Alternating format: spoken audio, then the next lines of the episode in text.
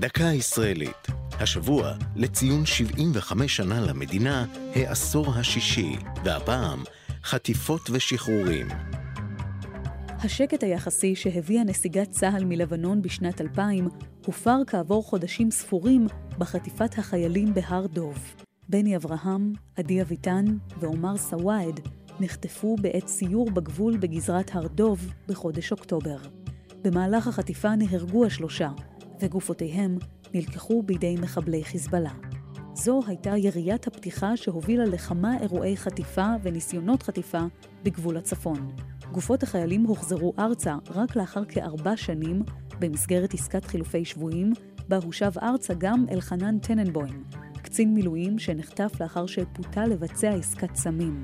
שנתיים אחר כך, בחודש יוני 2006, נחטף בחזית הדרום גלעד שליט, חייל שריון, וכעבור חודש נחטפו בגבול לבנון חיילי המילואים אהוד גולדווסר ואלדד רגב. אירוע זה הוביל לפרוץ מלחמת לבנון השנייה. שני אירועי החטיפה שאירעו בטווח חודש זה מזה, היו לאירועים מטלטלים שהולידו מאבקים ציבוריים למען השבת החיילים הביתה.